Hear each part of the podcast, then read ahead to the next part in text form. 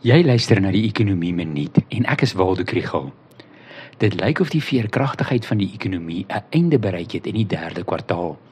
Die bruto binnelandse produk het ingekrimp met 0,2% en die vraag en aanbodkant van die ekonomie het swaar gekry.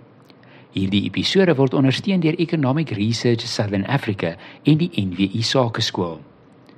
Aan die aanbodkant het die landbousektor met 9,6% ingekrimp vervaardiging met 1,3%, mynbou met 1,1% en konstruksie met 2,8%.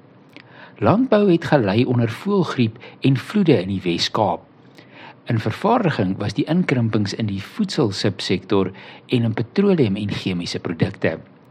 Die afname in produksie van platinumgroep metale het mynbou afgetrek.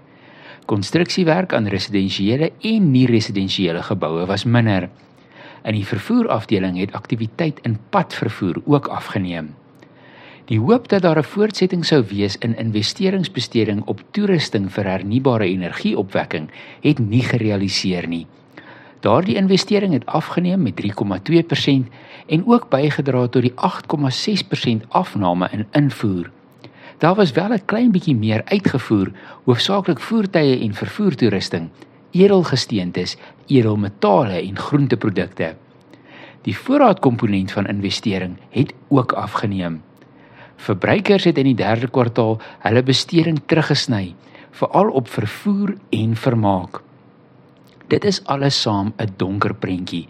As die ekonomie inkrimp, kry besighede swaar en dit is sleg vir maatskappye se aandelepryse.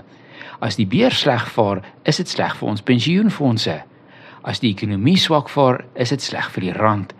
As die ekonomie inkrimp, val die regering se belastinginkomste en lyk die staatsfinansies wat uitgedruk word as persentasie van BBP al slegter.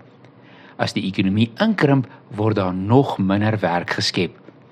Dit is regtig belangrik om die ekonomie aan die groei te kry.